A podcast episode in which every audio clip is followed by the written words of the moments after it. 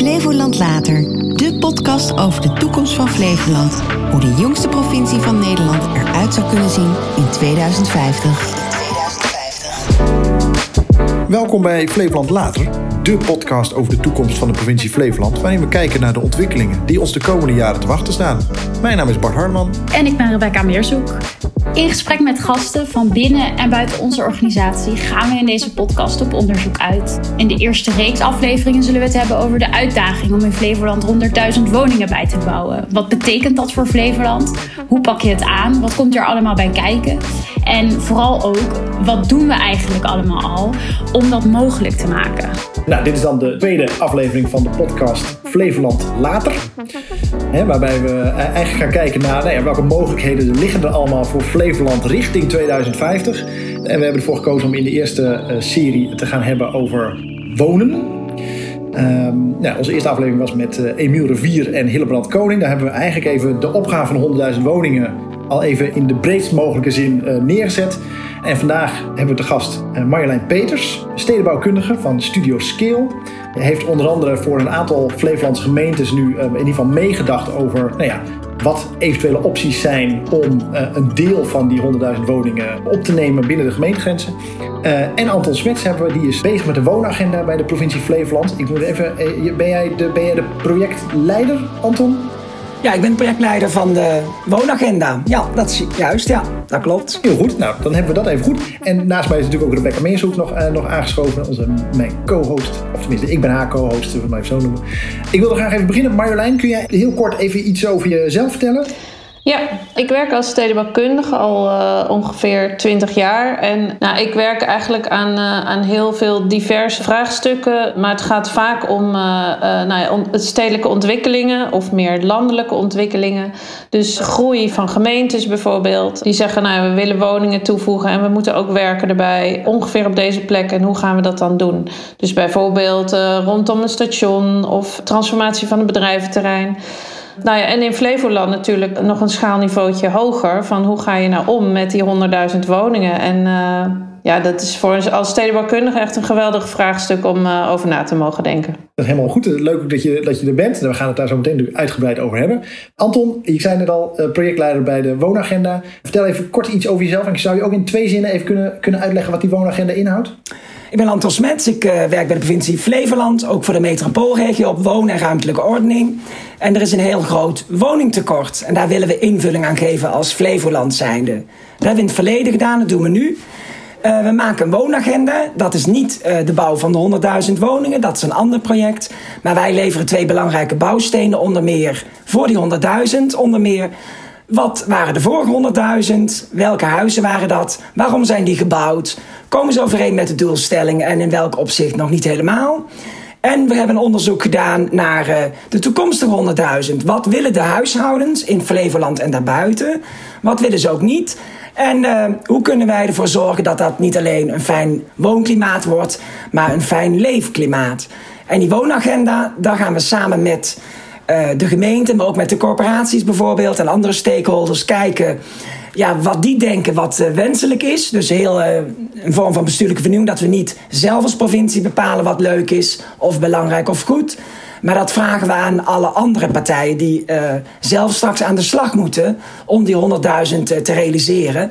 Of waarvoor we zulke 100.000 moeten bouwen, dat ze ook echt komen tevreden zijn en er ook blijven zitten en een prachtige samenleving bouwen. Daar is die woonagenda voor. Dus wat is de vraag? Wat is het aanbod? In het verleden, nu en in de toekomst. En hoe kunnen we dat beter op elkaar afstemmen? Nou, daar gaan we het zo meteen gaan we daar, over hebben. Voordat wij echt het gesprek induiken, stellen wij aan onze gasten iedere keer een vraag waar ze eigenlijk even gedurende het gesprek de tijd voor hebben om daarover na te denken. Dus die vraag wil ik ook even aan jullie meegeven. En die gaan we dan aan het eind van de, deze podcast, mogen jullie die beantwoorden. En dat is de vraag, wat zouden jullie graag in Flevoland willen zien in 2050, wat er nu nog niet is? Ja, dus neem die vraag even mee. Denk er even over na. Terwijl we met elkaar in gesprek zijn. En dan uh, komen we daar aan het eind van deze podcast komen we daarop terug. En dan ben ik heel benieuwd wat jullie graag zouden willen zien in Flevoland. Ik wil heel even met Marjolein beginnen. Want jij zei net al in, jou, in jouw introductie.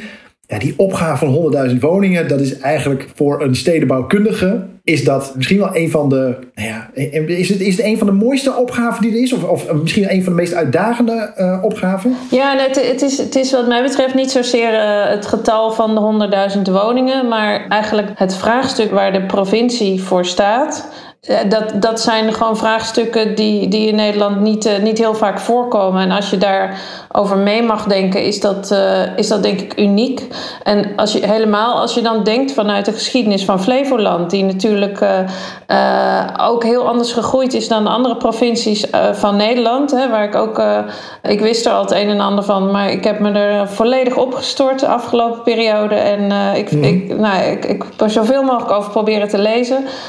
Het is, nou ja, ik denk bijna op wereldschaal gewoon uniek wat hier voor, voor landschap en steden zijn gebouwd. Uh, hoe daarover na is gedacht door Van Eesteren. Ook hoe dat weer is bijgesteld en wat het, wat het is geworden in de tijd. En hoe daar nu eigenlijk een opgave voor is van hoe gaan we nu die 21ste eeuw in. Pas heb ik gezegd, ja, je zou het eigenlijk moeten zien als een soort positieve kant van de midlife crisis. Je staat ergens.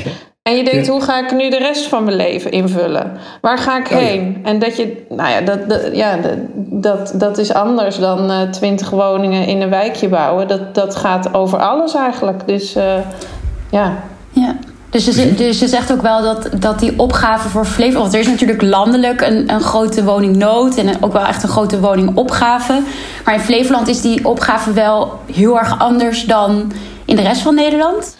Ja, kijk, je, je, moet, je moet altijd uh, vanuit mijn vak locatie specifiek kijken. Uh, maar, maar Flevoland is niet met een andere provincie te vergelijken, denk ik. Door, door hoe het is ontstaan en door hoe het is ontwikkeld en wat de gedachten daar ooit uh, achter waren. En je, kijk, je moest natuurlijk geselecteerd worden om überhaupt maar te mogen wonen in de provincie. En nu is het maar de. Nu hebben we best veel plekken de, het probleem van hoe krijgen we mensen hier naartoe? Want ze komen niet meer vanzelf. Dus dat is het vraagstuk, maar ook het landschap is natuurlijk uniek. Het is vanuit de tekentafel bedacht. Uh, het zijn allemaal rechte lijnen, uh, het Mondriaan-landschap. Nou ja, waar, waar heb je dat? En hoe ga je daar een nieuwe transitie in uh, plegen? Precies, wat Anton, dit, is, dit zijn type, hè, de opbouw van de bevolking. Hoe bewaken we het landschap? Zijn, dat, dat zijn ook allemaal onderdelen die meespelen in, in de woonagenda? Uh, ja, zeker. Want ik wil me helemaal aansluiten bij Marjolein Peets. Wat zij aangeeft is echt ongekend uniek. Um, dus daar beginnen we ook mee met de woonagenda. In plaats van dat we gewoon verder bouwen uh, met nog een keer een paar keer 10.000 wonen, gaan we eerst even terugkijken. Wat was nou het doel van Flevoland? En hebben we prachtige doelen geformuleerd. En ja, het is echt uniek in hoeverre die zijn uitgekomen. Het eerste doel was natuurlijk, we houden het water tegen voor de elf andere provincies. Nou, daarom mhm. bestaan we uit eilanden, dijkenlichamen, ongekende hoeveelheden en hele mooie structuren. Waarbij het grootste eiland ter wereld is uh, ontstaan, wat door de mens is vormgegeven. Nou, dat is heel mooi gelukt. Volgens mij uh, stroomt Bunschoot Spakenburg niet meer over. De randen van Barneveld, Amsterdam en ook uh, Kaag en dat soort plekjes. Um, de tweede rol was ehm, ja, de Tweede Wereldoorlog. We hadden enorm veel honger. Dus dat gaat nooit meer gebeuren. Nooit meer honger was het doel. En daarom hebben we het grootste agrarische perceel ter wereld uh, laten ontstaan. Dat hebben we zelf uh, gemaakt. Met de schop hebben we dat gerealiseerd. En daarom zijn we ook de tweede producent ter wereld geworden. Nou, dat, dat ja, hoeft niemand te vertellen dat dat een ongekend prestatie is, maar ook een ongekend succes. We hebben echt nooit meer honger gehad. De volgende 50 jaar nou. Ja, iedereen klaagt over de overheid, ambtenaren zijn langzaam, maar welke particuliere partij heeft dit ooit nagedaan? Niemand. Um, en het derde was natuurlijk de woningnood in de jaren 68 met de kroning van Beatrix. Geen woning, geen kroning. Het woningtekort was zo hoog en daarmee is ook Flevoland aangewezen als plek om uh, de woningzoekenden die niet terecht konden in de woningmarktregio's Amsterdam, Utrecht, Gooi Vechtstreek, Amersfoort, om die een plek te geven. En een volwaardige plek met een goede woning en niet meer een kelderwoning. En ook dat hebben we gerealiseerd. We hebben teruggekeken. Wat waren nu die vorige 100.000 woningen? Wat voor type, wat voor kenmerken, wat voor prijs? Um, kwamen die overeen met de gestelde doelen? Maar nog veel mhm. unieker uh, en veel ingewikkelder om als overheid samen met marktpartijen te realiseren. Zijn ook de huishoudens die erin wonen, kwamen die kenmerken daarvan ook overeen met de doelen. Want je kunt niet die huishouderskeuze, dat gedrag van al die individuen sturen.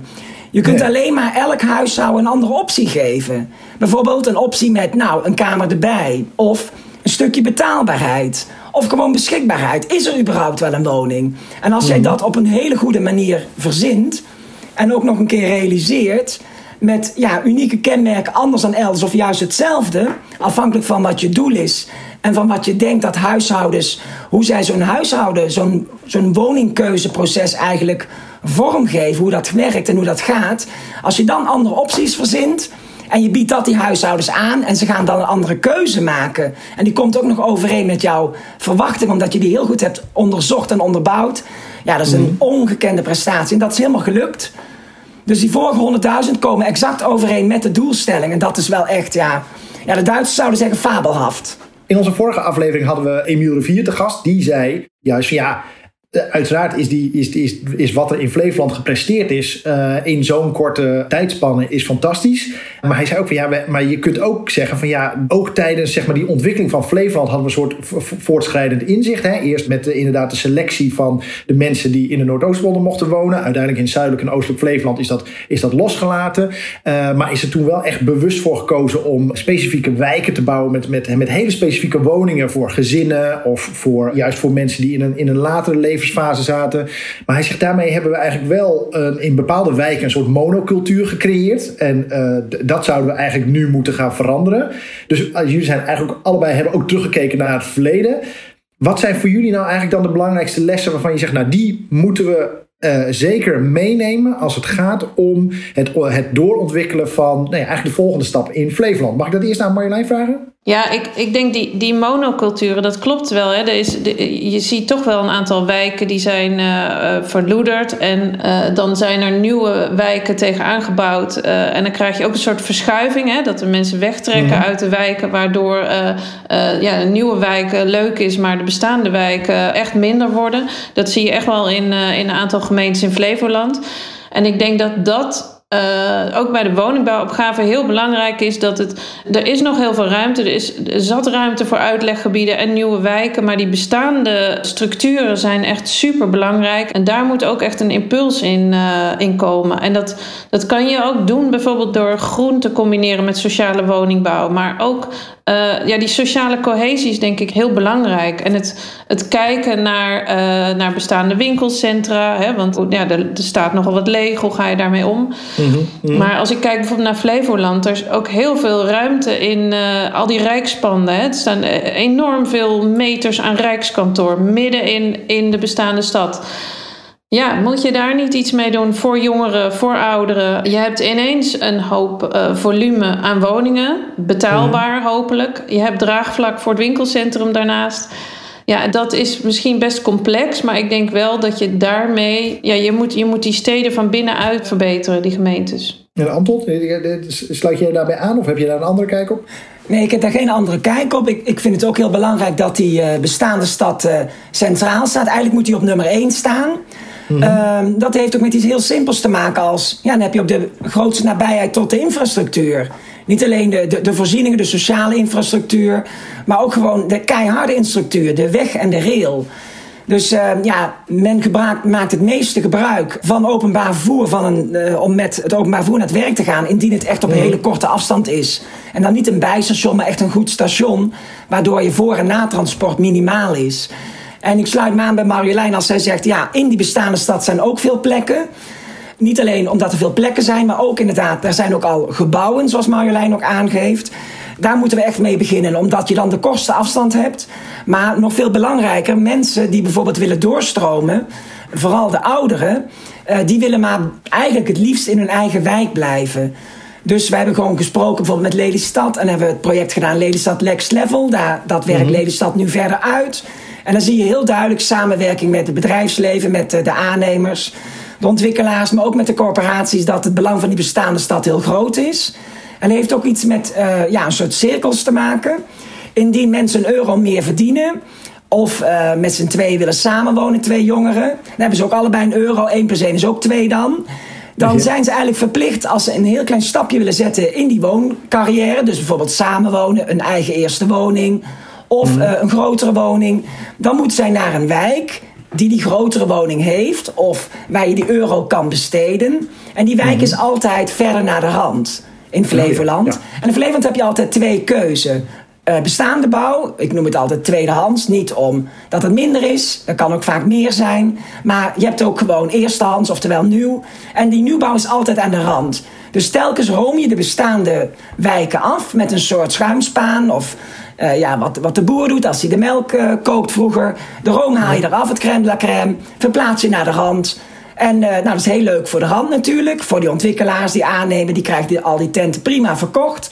Maar voor die bestaande wijk betekent dat toch een kleine aderlating. En dan zakt zo'n wijk in die woninghiërarchie iets naar beneden. En dat is niet dat dat rampzalig is, maar het is wel interessant dat dat anders is dan in andere wijken in steden op, op het vaste land, op de vaste wal. Want daar is geen nieuwbouw bijna. Um, dus moet jij investeren in die bestaande wijk. Dus je gaat naar een andere wijk wonen, twee deuren verder. Maar altijd niet in die concentrische ring aan de rand. Gewoon ergens ook middenin of evenveel aan de rand. En jij bouwt daar iets aan aan die woning. Je renoveert die woning tegelijkertijd. Je verduurzaamt hem ook.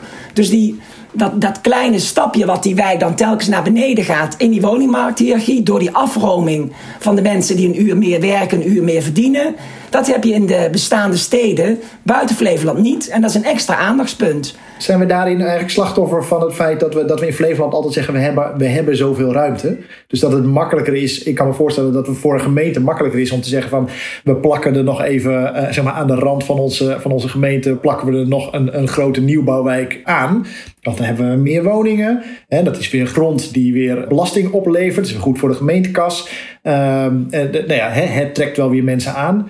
Terwijl eigenlijk hoor ik jullie allebei zeggen: ja, maar doe dat nou. Eh, volg eigenlijk het voorbeeld van het oude land. Maak gebruik van de dingen die je al hebt. Misschien moet je ook wel delen van gemeentes gaan herinrichten.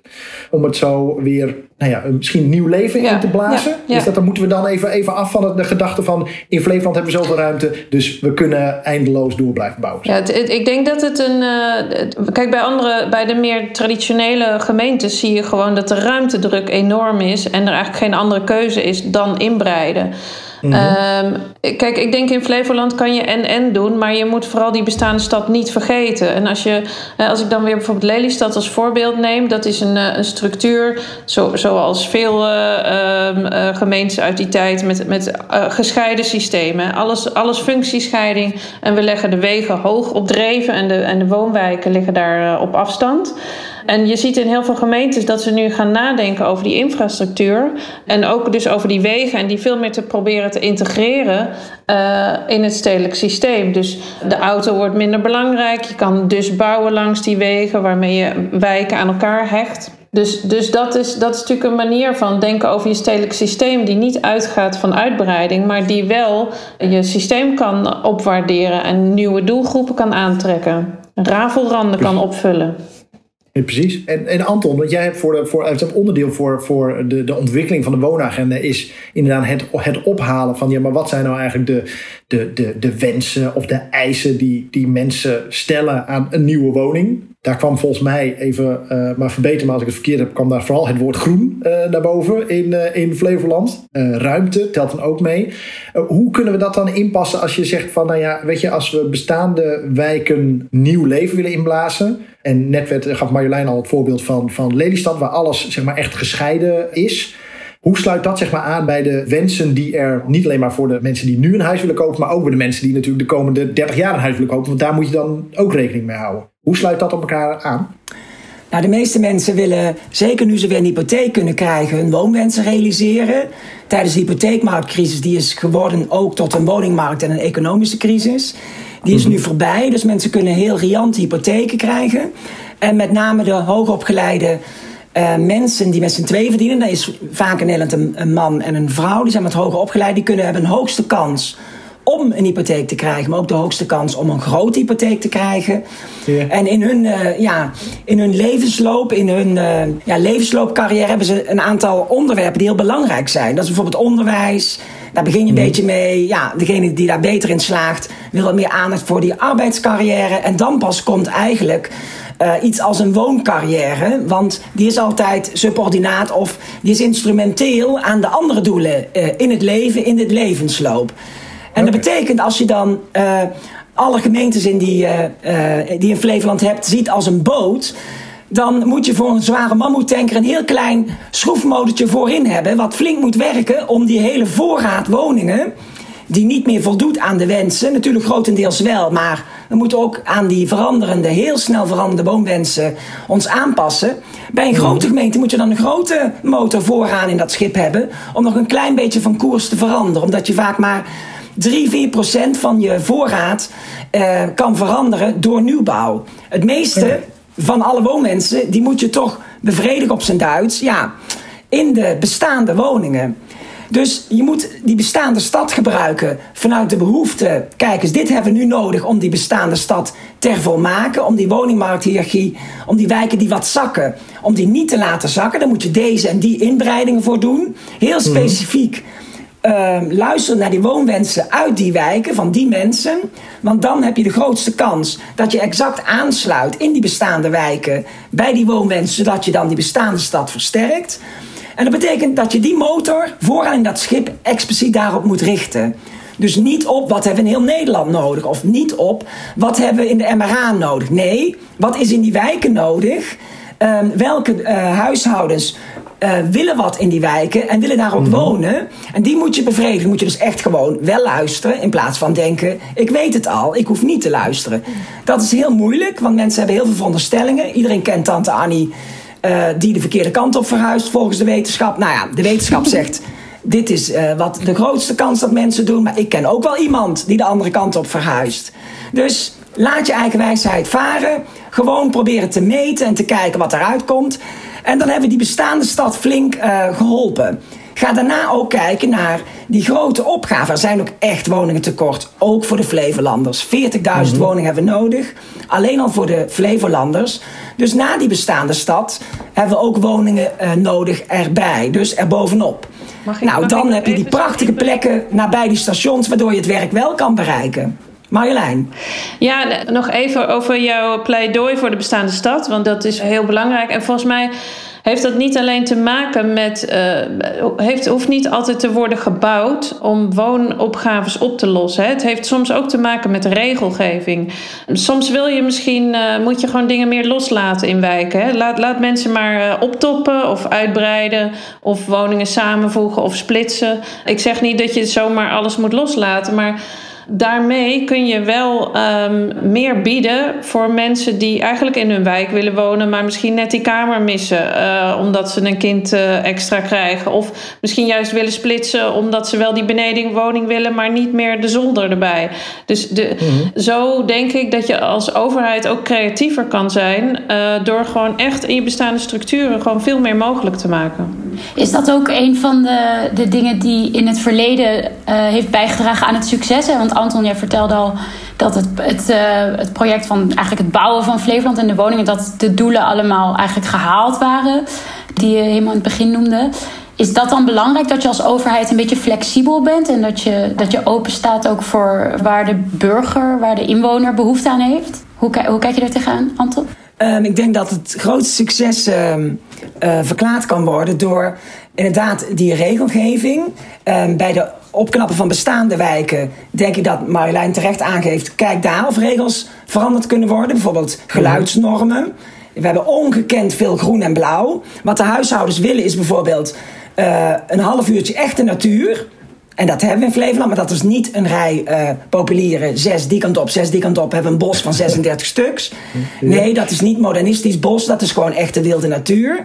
Nou, dat kunnen we prachtig aanleggen in de bestaande wijken, maar ook uh, wat grootschalig. Daar willen de mensen binnen een half uur wandelen vanuit hun eigen woning naar bijwonen. En ja, het succes ten aanzien van de regels ligt hem ook op een wat hoger schaalniveau. Wij als mhm. provincie hebben niet gekozen om de gemeenten te dwingen. Zoveel huizen mag je minimaal bouwen of maximaal. Dat moeten deze types, deze prijs. Uh, deze eigendomsvormen zijn. Dat hebben we niet gedaan. We hebben alleen aangewezen, nou hier is het station, bouw vooral eerst daar en daarna uh, verder op. Bijvoorbeeld, En mhm. dan niet richting de natuur of erin of erop. Maar bijvoorbeeld richting uh, de snelwegafrit of een nieuw station wat we gaan realiseren in de toekomst. Ja, die governance, die uh, onderhandeling tussen de gemeenten en de provincie doen wij op een heel andere wijze. Waarbij we eigenlijk hun faciliteren en aangeven: jullie mogen bouwen. Het bestemmingsplan uh, toetsen wij, dat wordt binnenkort veranderd. Dan gaan we daarin tips geven. Niet meer goed of afkeuren. Maar dat zij erin vrij zijn, autonoom zijn, ja, dat draagt bij dat zij sneller zijn. En ook beter naar de huishoudens uh, verzoeken en wensen op dat moment kunnen kijken en konden kijken. Waardoor wij ook telkens het grootste aandeel nieuwbouw hebben van heel Nederland. Dus niet mierenneuken waar het niet nodig is, maar juist elkaar helpen, koffie drinken, afstemmen continu. Van wat is nou uh, nodig, waar is de behoefte aan? Want anders ja, ben je alleen maar met bureaucratie bezig en papierwinkels naar elkaar aan het sturen met een postzegel. Ja, dat is echt blauwdrukplanning. Daar uh, zouden we al lang afscheid van moeten nemen. Dat hebben wij gelukkig gedaan. Precies. Is, is uh, Oosterwold in Almere daar echt een typisch voorbeeld van? Van nou, weet je, we, de, we, de, het gebied is bekend, zeg maar. Uh, de, de gemeente tekent de, de kavelgrootte in. Maar uiteindelijk is het aan degene die de kavel koopt, wat hij erop wil zetten. Ja, um, het, is, het is heel duidelijk dat, um, ja, wat ik net zei, die governance op, de, op de hoog abstractieniveau, ja, dat helpt natuurlijk dat je um, versneld kan bouwen. Maar als huishoudens aangeven, kijk eens, ja, die grond van de gemeente is zo duur, wij worden afgeperst. Uh, die leiding, leidingmaatschappij, ja, wat is dit voor iets? Al die stropigheid, nou prima. Doe jij zelf die stropigheid, want die is er volgens jullie niet. Perfect. Ga je gang, doe het marktgericht. Bel zelf naar die uh, piep, piep, piep antwoordapparaat. En je kunt het helemaal alleen. Wij geven ook die vormgeving vrij. Wij zorgen dat je ook zelf de riool mag aanleggen. Mag je ook zelf uh, wat natuur aanleggen. heb je het wel binnen een half uur. En het is echt een succes. En daarmee trek je ook mensen aan die, ja, die autonomie hoog in het vaandel hebben. Dat zijn vaak de wat hoger opgeleiden. En dat hebben we in het verleden niet altijd gekund. En nu wel. Dat is echt een heel mooi voorbeeld. Ja, ik, ik denk ook dat, dat het zo is. En dat is natuurlijk helemaal aan de andere kant van het spectrum. Hè? Want de gemeente regelt eigenlijk niks mm. meer. Uh, u, u krijgt de grond voor uh, was voor heel weinig geld, ondertussen niet meer. Uh, en moet het allemaal zelf regelen. Eh, ik denk wel als je kijkt vanuit de vraag dat, dat, dat lang niet iedereen zit te wachten op zo'n volledig uh, doe-het-zelf uh, project. Ik denk dat heel veel mensen behoefte hebben aan een soort comfort. Dat, ze wel, dat er wel echt wat te kiezen is, maar dat er, dat, dat wel binnen een soort bandbreedte is. Dus een, dus een soort comfortabel, ruim wonen bij het groen. Eh, ik denk dat Oosterwold kan je misschien nog één of twee keer in een soort kleine schaal doen. Maar, maar je moet niet denken, daar gaan we nu de hele woningbouwopgave mee, uh, mee oplossen. Maar er is wel zoveel mogelijk, ook in, in collectieven. Hè? Als, je, als je denkt van groepen mensen die met elkaar iets willen bouwen, uh, ja, die zouden wat mij betreft veel meer de ruimte ook moeten, moeten krijgen om die initiatieven te ontplooien. Ja. We hebben het nu veel over de behoeften van mensen gehad. Maar volgens mij is er een andere grote opgave waar deze woonopgave toch wel iets mee zal moeten. En dat is de klimaat, klimaatbestendig uh, bouwen, uh, duurzaam. Dat zit niet primair, denk ik, bij iedere persoon in de woonbehoefte. Maar het is wel, wel iets heel belangrijks voor de toekomst, hè, voor Flevoland in 2050. Wat moeten we daarmee? Hebben jullie daar uh, ideeën over? Ja, ik denk dat we er allebei wel ideeën over hebben. Um, nou, ik, ik denk in ieder geval dat we, uh, dat we het stadium voorbij zijn dat we al die opgaves los van elkaar moeten beschouwen. En ik, ik zie mm. nog heel veel dat, nou ja, we, we moeten een energiestrategie maken. We moeten ook nog 100.000 woningen kwijt. Oh jee, uh, we, we, hebben te weinig natuur. Uh, wat doen we met het water? En dat kan, hoewel je in Flevoland in theorie natuurlijk heel veel ruimte hebt um, win je er dus ook niks mee om, om die, die opgaves los van elkaar te beschouwen. Dus ik denk dat, het, dat je er niet aan ontkomt om opgaven met elkaar te verbinden. Um, de landbouw is natuurlijk een enorme opgave. Hè? 70% van het mhm. grondgebied van Flevoland is landbouw. Maar wat is precies die toekomst daarvan? Er wordt heel veel schaalvergroting. Eten we alles op en wordt het, ehm, wordt het een heel eenzijdig landschap? Is dat wat we willen of moeten we het echt anders gaan doen? Nou, ik denk dus dat laatste. Ik denk dat je landbouw moet combineren met uh, met natuur, met wonen, met energie. Dus waar ik net al zei, ook van de de, de woonwijken in Flevoland zijn heel erg kenmerkend van de functiescheiding. Maar dat is natuurlijk het hele systeem van Flevoland. Je, had, je had een woonkern, je had een groene rand eromheen. En de rest was gewoon agrarisch gebied. Klaar. Ja, En nu, nu heb je veel meer te maken met opgaves die elkaar raken. En je krijgt dus ook gebieden waar dingen um, verweven zijn met elkaar. En, en dat uh, op een slimme manier uitvinden, dat is denk ik de toekomst van Nederland, van, van Flevoland. Door gewoon... Heb je, daar, heb je daar een voorbeeld van, van hoe je zeg maar, eh, wonen, uh, landbouw, energie en natuur met elkaar zou kunnen, kunnen verbinden? Moet ik dat dan denken aan, een, aan huizen die dus zeg maar in het, in het buitengebied staan, op wat, wat misschien wel een voormalig boerenerf was? Of moet ik dat, hoe moet ik dat zien? Nou ja, bijvoorbeeld, hè, je ziet, je ziet uh, door de schaalvergroting van de landbouw dat dus uh, boeren kopen meerdere kavels op en dan, dan staat er één, agrarisch complex leeg. Nou, vaak mag er dan vanuit het bestemmingsplan één woning terugkomen. Waarom mag je daar niet een cluster van twintig woningen maken? Van mensen die daar in een community wonen, ook nog wat voor het land eromheen doen misschien. Maar ik denk bijvoorbeeld ook, Dront is echt een landbouwgemeente.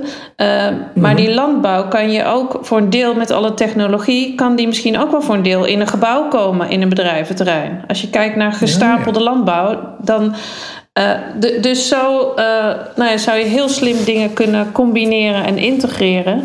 Ja, uh, kijk, de, wat ook de, de, de provincie heeft een bossenstrategie, wil heel veel extra bos maken.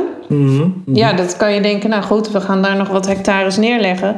Maar als je dan denkt, we hebben, we hebben die dorpsbossen, nou die maken we gewoon dubbel dik. En daar gaan we ook nog in wonen, want het kan, we hebben die ruimte. Nou ja, dan kan je natuurlijk heel slim, ook vanuit de financiering maar fijne woonmilieus uh, in combinatie met al die andere opgaves. Precies, want Anton, is dat een beetje. De, de, want als ik Marjolein het hoor zeggen van. Nou ja, dan, heb, dan, was het in Flevoland natuurlijk eigenlijk een beetje standaard van. Oké, we denken dus in verschillende zones. Dit is wonen, dit is natuur, dit is landbouw. Maar die zones, die grenzen die ertussen zitten, laat die los, laat het door elkaar heen lopen. Geen gescheiden werelden meer, maar laat het echt onderdeel van elkaar zijn. Is dat ook iets wat eh, wat jij bijvoorbeeld ook terugziet in de wensen van uh, toekomstige woningbezitters? Ja, dat zie je heel duidelijk uh, terug. Inderdaad, uh, Flevoland is opgebouwd in een bepaalde tijd, in een bepaald gedachtegoed. Dat was het modernisme. Dus je pakt eigenlijk een schilderij van Mondriaan. Met prachtige ja. lijnen en prachtige vlakken. toen ik mijn promotie had, heb ik mijn, de omslag van mijn boek... Ja, heb ik de Noordoostpolder genomen. Nergens is zo mooi ja, een stukje eh, verkaveling, een stukje samenleving, opbouw te zien als vanuit een vliegveld, een vliegtuig, pardon, waarin je naar beneden kijkt op de Noordoostpool. Het is zo mooi vormgegeven. Alleen nu zijn we in een andere situatie gekomen, waarbij niet meer de lawaai-overlast van een fabriek nu eh, de, het grootste belemmering in, is in het leven. Of een, of een auto die je hoort, omdat je in een kelderwoning zit aan de snelweg in Amsterdam-West. Maar is de situatie heel erg veranderd. Mensen hebben niet alleen ruimtelijke wensen, maar steeds meer tijdswensen.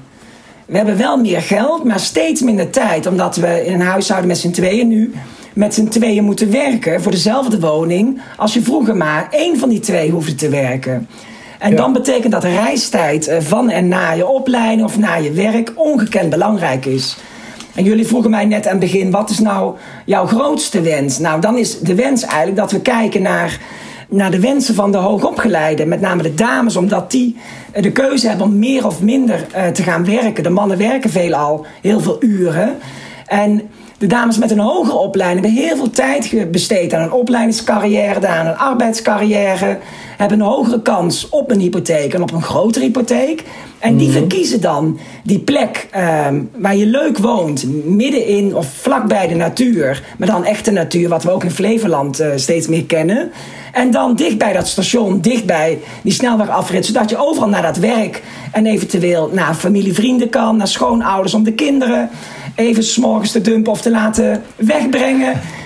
ja, um, tijdsbesteding. Wat doe je op een dag? Hoe krijg jij die dag uh, rondgebreden? Of ja, hoe kom je, ja, wij spreken, hoe krijg je alles af? En die plekken, uh, die woonmilieus die daar liggen, die worden het hoogst gewaardeerd. En het zou heel leuk zijn. Wij hebben echt wel die woningkenmerken en ook mm. die woning, woonmilieukenmerken in de zin van met tuin, grote tuin, groot huis, klein huis, uh, ligging in het groen. Die elementen hebben we. Alleen hoe plaats je nou op een plek nabij uh, die voorzieningen, nabij dat werk? En dat betekent gewoon dat we openbaar voer nodig hebben. Uh, dat betekent ook een hele goede verbinding naar Utrecht-Oost. Uh, dat is toch wel de tweede concentratie van hoogwaardige werkgelegenheid naast mm -hmm. Amsterdam-Zuid. En ja. dan moet je niet willen overstappen in Almere, 20 minuten wachten in de wind. Nee, daar moet je gewoon heen kunnen. Dat vind ik gewoon een recht van elk mens. Om op korte reisafstand ja, je leven te kunnen inrichten. En niet alleen voor de hoogopgeleiden. En ik denk, als wij nu ons realiseren dat de mensen die wat meer bij ons zijn gekomen, misschien niet alleen de hoogopgeleiden zijn, maar die willen ook gewoon naar het werk kunnen. En wat je nu ziet, dat de Flevolandse uh, beroepsbevolking ja, toch wat minder in arbeid participeert. Ze hebben vaak iets lager opleiding, iets minder aandacht kunnen besteden of willen besteden aan die opleiding en arbeidscarrière. Iets sneller aan kinderen en aan een kerel gedacht. Maar ja, dan ben je in Flevoland gekomen omdat je iets eerder toe was aan een extra kamer of een tuin omdat je kinderen wat eerder kwamen. Maar ja, daarna wil jij ook aan het werk. En dan blijf je een beetje achter, want die kerel is al vaak extra onderweg, extra veel tijd kwijt ja, hoe ga je dan zorgen dat je kinderen aandacht krijgen? En dat is samenlevingsopbouw. En dan is het fijn als je allebei snel naar het werk kan. En de ene s'morgens de kinderen kan halen of kan dumpen. Of s'avonds. En dat zijn echt hele mooie dingen. En daar doen we op tijdsbesteding onderzoek naar. En dat is heel leuk en ook heel belangrijk om mee rekening te houden. Vandaar die 100.000 goed, maar met een ei meer verbinding. Zeg maar, nu, nu door, uh, door corona, en veel mensen werken thuis. Hè? Ik bedoel, zij die dat kunnen in ieder geval. Je noemde net al van, nou, in Flevoland is de, de beroepsbevolking is toch grotendeels laag opgeleid. Nou, dat zijn toch vaak ook de banen die het, waarbij het lastig is om het werk vanuit huis te doen. Maar tegelijkertijd kunnen we natuurlijk, zien we ook een ontwikkeling nu van juist uh, de, de hogere opgeleiden die nu zien van, ja, oh, blijkbaar kan ik dus mijn werk gewoon prima vanuit huis doen. Dus ik hoef niet meer in de buurt van de Randstad te wonen waar mijn werk is. Ik kan prima net zo goed een huis kopen in de Achterhoek of in Flevoland dan ideaal in ons, in ons geval. Want ik hoef namelijk niet meer vijf dagen in de week, s ochtends om acht uur in die auto te stappen om uh, naar, mijn, naar mijn werk te rijden. Nee, want ik kan gewoon eerst even mijn kinderen naar school brengen, dan fiets ik weer naar huis en dan ga ik achter mijn laptop zitten. Dan ga ik een hele dag gewoon thuis werken. Denk je dat dat een ontwikkeling is die ook blijft en dus ook invloed gaat hebben op de manier waarop we misschien wel moeten kijken naar de woningopbouw in Flevoland? Of denk je van nou, eh, ik verwacht eigenlijk dat iedereen gewoon weer teruggaat naar uh, het oude normaal, om dat maar even zo te gebruiken? Um, wil jij iets aangeven, Marjolein, of zal ik iets aangeven? Volgens mij is het een enorm interessante periode waar we in zitten. Natuurlijk, natuurlijk niet, niet leuk, maar um, ook wel heel interessant wat, wat dit met mm -hmm. onze samenleving gaat doen. Um, en, en wat je merkt is dat, dat uh, ik denk iedereen uh, of de meeste mensen vinden het heel fijn om meer vanuit huis te werken. Maar uh, de meeste mensen vinden het ook fijn om niet altijd thuis te werken. Dus, dus het feit dat we meer keuzemogelijkheden hebben en meer flexibiliteit over hoe we onze week invullen. Nou als we die rijkdom kunnen houden, is het, is het denk ik echt, uh, echt geweldig. Ehm, maar ik, dat, dat stelt dus ook eisen aan je woonomgeving. Dus ik, mm -hmm. uh, mensen willen veel meer dicht in hun buurt. Inderdaad, misschien niet binnen een half uur lopen, misschien wel binnen vijf of tien minuten lopen. Echt, echt in het groen zitten. Uh, fietsverbindingen vanuit je huis. Uh, ik vind dat in Flevoland nog wel een behoorlijke opgave. Want als je van het ene naar het andere dorp fietst. Nou, eh, sommige mensen vinden het een, een mooie beleving, maar voor anderen is het heel hard doorwerken. Dus kun, je daar niet iets maken dat het nog veel, veel aantrekkelijker wordt? Dat je veel meer diversiteit hebt in routes, in beplantingen, uh, zodat je ook denkt: leuk, ik ga eens even naar het andere dorp fietsen, want ik fiets ook leuk naar mijn werk. Dat heeft wel veel mensen wakker gemaakt van hey, die directe omgeving van je huis en de voorzieningen die daar zitten uh, zijn heel wezenlijk. En dat zal blijven, denk ik wel. Want Anton, zie jij dat ook terug, zeg maar, in, in hè? want je, eigenlijk is nu een deel natuurlijk van het onderzoek voor de woonagenda, vindt nu plaats in deze, nou wat Marjolein al noemde, deze bijzondere periode. Is daar al een verschuiving gaande in, in dus die woonwensen? Dus inderdaad niet meer groen op een half uur, maar ik wil groen om de hoek. En nou ja, dat mijn werk dan niet meer een, een, een uur rijden is, maar misschien anderhalf, is niet zo erg meer, want ik ga nog maar twee dagen in de week naar mijn werk. En de rest doe ik lekker thuis. Uh, zie je dat terug? Nou, wat je, wat je uh, nu ziet is uh, eigenlijk datgene, nu mensen die hypotheek uh, weer kunnen krijgen, die uiting van die uitgestelde realisatie van die woonwensen, ja, dat gaan mensen nu doen. Dus de effecten dat mensen nu wat meer ruimte willen en dat de grotere mm. huizen met een kamer extra niet allemaal in Amsterdam staan. We hebben wel een Apollo-laan waar een tuin is en de huizen een kamer meer hebben, maar de meeste huizen staan toch buiten de Apollo-laan. En ja. dan ga je daar naartoe natuurlijk, want je kunt nu wel de hypotheek krijgen. Uh, de coronacrisis is uh, uh, nieuw, dat is nu één jaar. Ehm, er is nog geen onderzoek naar gedaan, al moet ik eerlijk zijn. We hebben wel met z'n allen de veronderstelling dat dat een enorme impact heeft. En ik, ik vind wat mhm. Marjolein zegt. Ik denk dat heel veel mensen de vrijheid ervaren dat je niet elke dag per se in uh, die twee momenten op de dag waarin iedereen hetzelfde gaat doen, namelijk reizen. Dus kom je in de file of is het heel druk op het station. Daar zijn we blij natuurlijk dat we daar vanaf zijn dit jaar.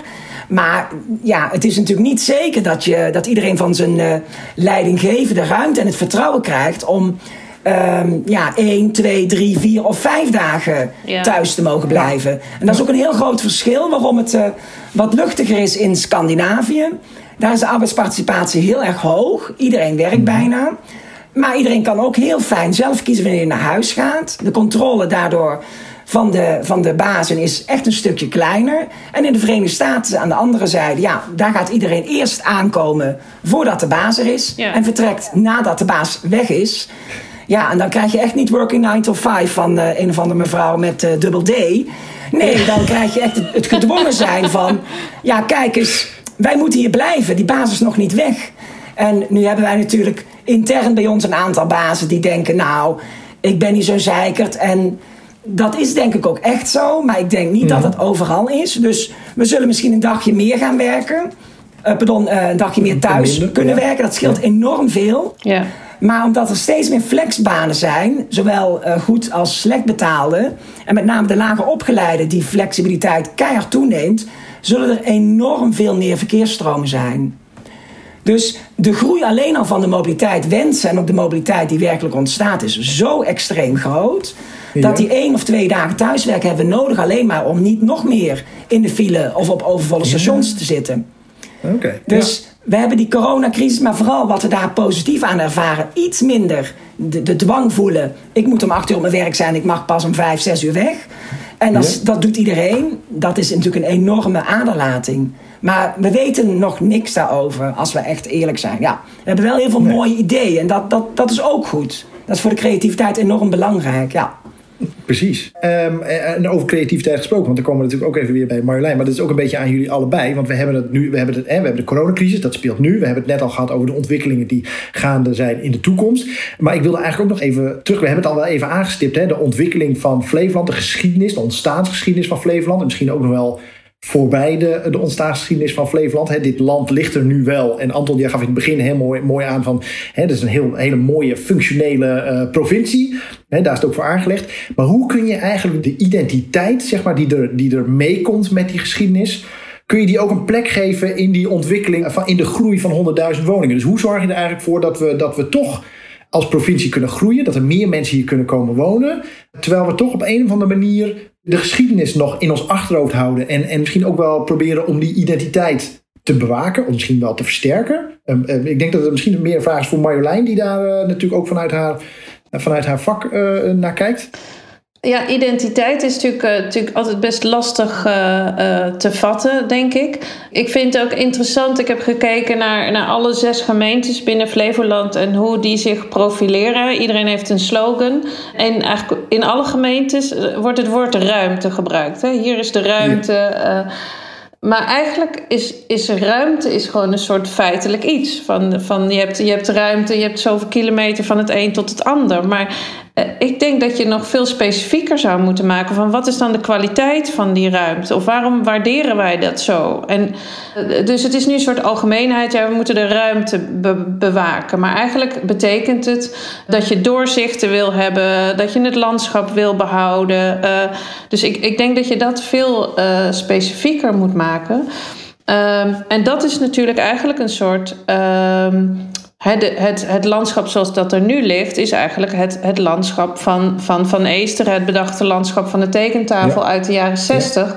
Um, en de, een, een, een stuk land heeft altijd een langere geschiedenis. Hè? Als je terugkijkt, uh, de, ooit, was, ooit was het een zee, ooit stroomden de rivieren. Dus je kan, ik denk dat je heel goed moet nadenken, uh, en, en dat is ook waar, waar ik mee bezig ben, over hoe kan je nou uh, aanknopingspunten vinden om, om je identiteit als provincie te, te versterken? En dat is altijd een soort gelaagdheid van een aantal periodes die, die over een stuk stad heen gaan. Als je in een historische stad wordt soms gezegd, ja, we moeten terug naar die structuur. Maar die, die was van, van 1500, maar in 1300 was het anders. Dus wat, wat is nou eigenlijk de waarheid? Wat ik ook merk is dat je um, bijvoorbeeld de oostkant van Flevoland daar zit heel veel linken met het oude land natuurlijk. Hè? Met die randmeren. Ja, uh, Dus zowel in landschap, maar ook in in woonkwaliteit zie je dat heel veel mensen neigen naar Kampen, Zwolle, Elburg, Harderwijk. En hoe kan je nou zorgen dat je daar in Flevoland misschien wel iets van kan meepikken, zodat je daar ook uh, uh, nou, een soort kwaliteit kan uh, injecteren en kan gebruik maken van die randmeren. misschien ook wel denken over, over nou, extra water. Dus je zou eigenlijk een nieuwe ja, 21e eeuwse laag moeten toevoegen. Waarbij je blijft nadenken vanuit de polderstructuur. Precies. Ik zie Anton al helemaal enthousiast worden. Dus die, die, uh, heb, je, heb je al een idee over die 21 Ik, ik was ooit op een bepaald moment in mijn carrière... voordat ik bij Flevoland kan werken... Uh, werd er een schilderij verkocht van Fluk van Lohuis. Zo'n Mondriaan schilderij. En die stichting had als doel... we gaan onderzoekers en ontwerpen samen in één hok duwen... met koffie en een hoop schetsrollen... En toen uh, was dat onder leiding van professor Vrieling. En die had als stelling, daar kwamen dan als stedenbouwkundigen met elkaar samen uit op dat moment. Uh, ja, Flevoland is een badkuip met een hele mooie hoge rand. Die is heel strak, die voldoet, het water blijft er mooi buiten. En nou, dat is perfect. Maar als we nu gaan kijken naar wat de mensen echt willen... dan is er helemaal geen reden meer voor die strakke, harde metalen rand. En wat is nou leuk en wat vinden mensen nu echt prettig? Dan zie je inderdaad dit, dat contact met dat water. Overal aan de vaste wal, maar dan ook overal aan alle kanten van Nederland. Heb je die strakke dijk of mhm. die strakke duin. Die is natuurlijk wat zachter, maar toch ook een flinke berg. En telkens heb je een gat. En als je naar Brazilië bijvoorbeeld gaat en je zit in dat vliegtuig, kijk je naar beneden, dan zie je zo'n rivier keihard worstelen wij hebben een kanaal aangelegd door die berg heen naar het water. Zij dus daar niet, daar hebben ze natuurlijk geen geld voor. Dan staat er een natuurgebied, maar uiteindelijk ook een gat in die duin of in die dijk. En daar ontstaat een heel leuk kleinschalig landschap. En in Nederland zijn dat alle vissersdorpen. Uh, waarbij ook uh, die batterand is doorzaagd. En dat is een ongelooflijke fijnmazige, prachtige kleinschalige structuur die stedenbouwkundig door heel veel huishoudens heel aantrekkelijk wordt gevonden. Ja, ja, en als je dan kijkt naar de grootste troef van Flevoland, dat is het water. Ik bedoel, iedereen zegt wij hebben groen-blauw, maar niemand zegt we hebben groen. Dus blauw is ook belangrijk. Ja, dus ja. doe daar wat mee. Het is zo makkelijk in de zin van de, de, de waarde die je hebt gecreëerd is zo extreem hoog. Voor toch een kleine ingreep. En je ziet het ook her en der gebeuren. Almere Haven bouwen ze een paar toeters bij. Eigenlijk bijna buiten dijks. Ja, meteen verkocht. Terwijl Almere Haven heeft niet de beste naam. Dus ja, stedenbouwkundig zijn er ongekend veel mogelijkheden. Maar dan moeten we niet meer denken aan... Uh, ja, we willen alles behouden. Nee, je moet kijken wat, wat we willen. En daar hoort dat behoud dan automatisch bij. De mooie dingen en de leuke dingen... of de belangrijke dingen wil je behouden. Maar er zijn ongekend veel troeven. Kleine stedenbouwkundige ingreep. Je ziet het ook in Maarsen. Dus Maarsenbroek was een beetje ja. alle Flevoland. Heel erg gepland. Er was, de woonnood was heel groot. En nu zie je heel fijnmazige oplossingen. Een fabriek verdwijnt. Je legt onmiddellijk die relatie met die vecht.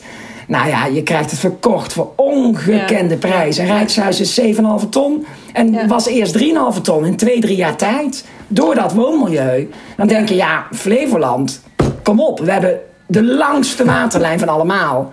Ja, ik... Zo leuk. Begin zeilscholen. Het is echt ja, fantastisch. Ja, Marjolein, jij wilde daar aanhaken? Ja, ja, nee, kijk, als je vanuit, het is gewoon een waterbouwkundig bouwwerk en er zit inderdaad gewoon een harde rand omheen. Er was ook nooit bedacht voor meer dan die bescherming, want we gingen gewoon veel landbouwland maken, that's it. En nu vanuit de MRA zie je ook heel veel nadruk op Almere Lelystad. Ik denk heel belangrijk, mhm. want dan kun je natuurlijk een enorme bulk van woningen maken. Maar die oostkant aan het Veluwemeer, ik denk dat is gewoon de parel. Daar, daar zitten zo, de, de, de overkant van Kampen, Elburg, Harderwijk.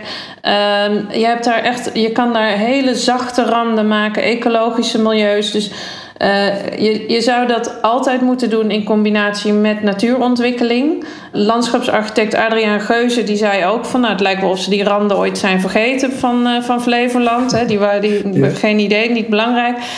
Maar je, daar is zoveel te winnen. En ik denk ook zoveel te maken wat mensen, waar mensen gewoon graag willen wonen. Uh, waarmee je echt die regionale markt kan pakken uh, op alle niveaus.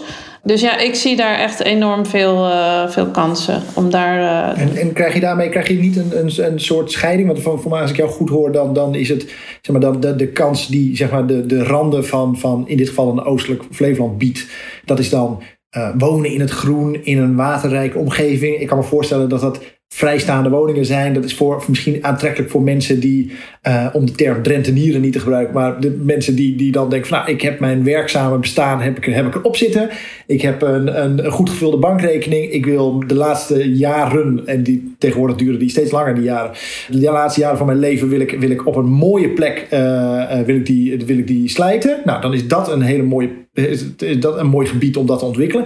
En dat je dan juist Almere en Lelystad veel meer ja, bijna utilitair zou opzetten voor de mensen die, die dus in de Randstad werken. Of misschien ook wel gewoon in Flevoland werken. Uh, maar dat die dan zeg maar, daar kunnen wonen om dichter bij hun. Dus dat het veel meer werkgerelateerd is. Nou ja, kijk. Uh uh, sowieso denk ik dat het niet alleen maar vrijstaande woningen in het groen hoeft te zijn, want dat je ook echt heel stedelijk en compact kan wonen in de natuur aan het water. De, uh, gecombineerd met een bootje, uh, een deelbootje misschien wel. en je zit op volgens mij 10 minuten fietsen van het station van Kampen.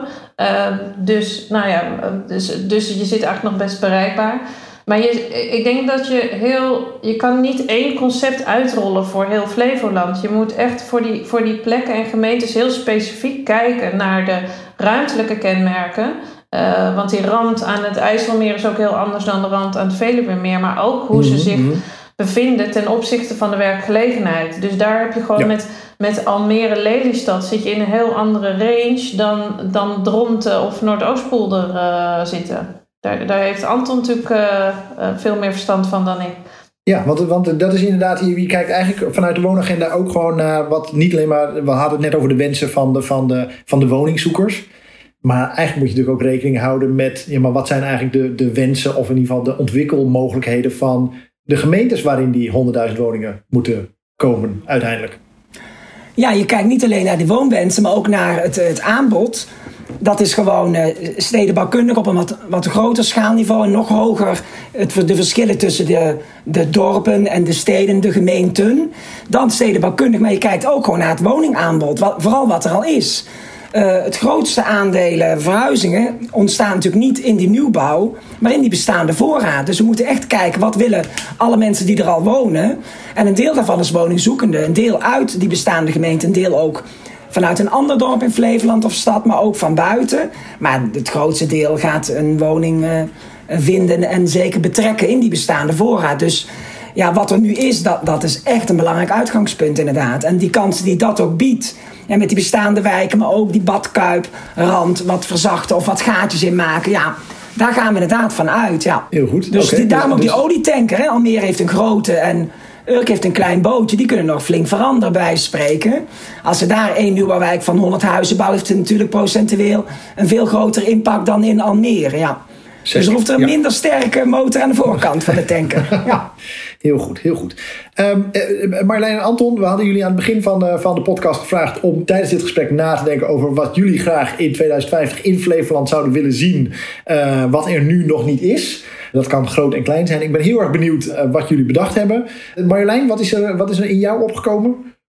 Nou, kijk, ik, Flevoland is natuurlijk iets wat wereldwijd op de kaart staat als landschap, als samenleving. Uh, en als je nou voor elkaar krijgt dat je een soort 21ste eeuw statement kan maken, waarbij je juist niet met scheiding van functies, maar met gecombineerde opgaves, maar dan beyond wat we nu al doen, gewoon uh, woonwijken waarbij we alles bij elkaar grijpen en een voorbeeldfunctie zijn voor nou ja, uh, heel Europa of daar verder. Waarbij je, waarbij je het landschap geweldig maakt en die, die kustzone benut. Nou ja, echt een nieuw soort trots ook voor de, voor de provincie dat, uh, daar hoop ik op. Dus, de, dus inderdaad die combinatie van, het leuk, het sluit eigenlijk een beetje aan bij wat Emiel uh, Rivier uh, in de vorige aflevering zei. Die zei namelijk, we hebben tussen Lelystad en Almere hebben we een, zit een schitterende dijk. Daar doen we eigenlijk, als je er langs rijdt, dan, dan ziet het hartstikke mooi uit. Maar het heeft eigenlijk niet meer de, de, de terecht de, de rand van de badkuipfunctie, zoals jullie het net al noemden. Uh, en zijn droom was dan dat er in 2050 een heel mooi uh, strand zou liggen, waarbij mensen dan uh, daar zouden kunnen recreëren. Dat het ook een soort gezellige uitstraling krijgt. Hè? Wat natuurlijk ook eigenlijk een beetje mooi past, Marjolein, bij wat jij net zei. Het, het, het, het delen van die functies. In dit geval dan bescherming en recreatie in één. Heel mooi. Anton, wat, wat is jouw droombeeld voor 2050? Wat, wat is de, de kers op de taart die Flevoland heet? Nou, als ik dan echt naar die woonmensen kijk van die mensen, dan vind ik dat we daar eens naar moeten gaan kijken. En dat we daar gewoon. Dat we die centraal moeten stellen en daar hoort tijd bij. Ik zou tijd als vierde dimensie in de ruimtelijke ordening willen uh, benadrukken. Dus we kijken niet meer vanuit de gedachte: men wil een huis of wij gaan zoveel huizen zetten. Nee, de mensen gebruiken een woning als uitvalsbasis om een hele hoop dingen te doen in de loop van de dag, in de loop van de week. En mhm. vanuit die gedachte uh, woonmilieus creëren. Waar we bijna uh, echt nadenken dat er ook onderwijs is. Van helemaal het begin tot het einde van je uh, onderwijscarrière. Of zelfs van je leven. Dat je naar je werk kan. Dat je lekker kan recreëren. Om de hoek of vanuit je woonkamer ziende. Hè, terwijl we thuis typen. Ja, tijd als vierde dimensie. En dat lijkt heel moeilijk, maar het is eigenlijk heel makkelijk. Wat vind je zelf leuk? Dat zegt ook al heel veel. Kijk naar je eigen behoeftes en je eigen vraag. En probeer ook open te blijven staan, elke dag opnieuw. Dus niet denken, dit zal het wel zijn. Nee, ik hoor nu dit. Wat betekent dat? En probeer ook onderzoeken te lezen. Die zeggen vaak heel veel over wat mensen willen. En ik denk dat we heel goed bezig zijn. De andere provincies hebben gewoon uh, kwantiteit en kwaliteit in één woonagenda gestopt. Wij hebben als enige provincie nu een keuze gemaakt. Wij willen wel bouwen. Dat is ook echt nodig om die woonwensen te realiseren. Mensen willen niet meer tot een 24ste of straks tot een 30ste bij papa en mama wonen. En daar moeten we denk ik ook naar luisteren. En ik denk dat het echt kan. Ja, ja zeker. Klinkt goed. nou, ja, nou, nou, mag ik nog één ding eraan toevoegen? Uh, sorry. Nou ja, ik denk, kijk, we, we kunnen ook veel meer snelheid maken in, uh, in geprefabriceerde uh, woningbouw. Daar, daar zijn natuurlijk heel veel ontwikkelingen in. Dus ik, ik denk ook af en toe, ben, ben niet bang en ga gewoon ook aan de slag op plekken waarvan je denkt, hier kan het. Uh, en ga gewoon snel de types maken in een prefab waarbij je aan de buitenkant nog heel veel kan variëren. Dus daar zit denk ik ook heel veel, veel winst nog in. En het staat ook op onze woonagenda. We hebben op onze woonagenda ook één agendapunt. Dat moet nog besloten worden natuurlijk. Maar dat, dat ligt echt in de verwachting dat, in, bij, dat bij die wooninitiatieven... daar hoort ook die nieuwe innovaties bij. En bij die innovaties is zo mooi, daar hebben we het net ook over gehad als je in dat ontwerpproces van zo'n woning, dan kun je heel mooi in je programma van IJs aan het begin van zo'n ontwerpproces al die integrale aspecten meenemen. Dus en circulair, en biobased en ja. natuurinclusief, klimaatadaptief en die woonwensen. Het kan echt, maar we moeten voorkomen dat we als het huis klaar is nog een keer aankomen met wat doelen. Nee, we moeten die architecten, die stedenbouwkundigen helpen met. Nou, hoe kunnen we aan het begin van het traject in het ontwerpproces op tijd aangeven wat belangrijk is? En niet blijven roepen: dit is belangrijk, maar ze luisteren niet. Nee, zij willen ook. Alleen liefst aan het begin van het traject en niet aan het eind omdraaien. Lijkt mij een goed advies voor iedereen. Eerst goed luisteren en dan pas uh, dingen gaan doen. Nou, dat geldt natuurlijk ook voor deze podcast. Vooral goed luisteren, zeggen we dan altijd maar. Um, Anton en Marjolein, mag ik jullie hartelijk danken voor het, voor het meedoen aan, uh, aan deze podcast. Um, en ik zou zeggen, Rebecca, uh, neem ons mee eruit. Ja, um, bedankt voor het luisteren. En de, volgende, de volgende aflevering gaan we het volgens mij hebben over klimaatbestendig bouwen. Dus uh, tot de volgende keer. En mocht je nou uh, vragen hebben daarover, dan kun je even een mailtje sturen naar strategen.flevoland.nl en dan uh, nemen wij je vraag mee in deze podcast. Dus hartelijk dank voor het luisteren en tot de volgende aflevering. Tot de volgende keer. Dag. Doei. Flevoland later.